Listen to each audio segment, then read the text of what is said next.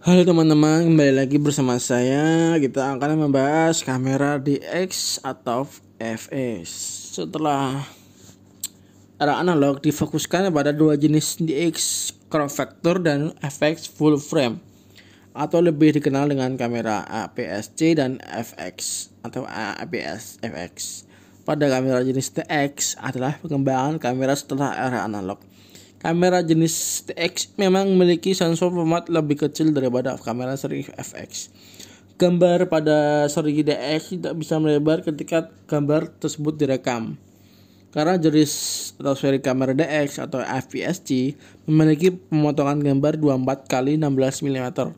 Berbeda dengan kamera DX, kamera jenis full frame ini atau FX lebih memaksimalkan meluas view-nya ketika mengambil gambar.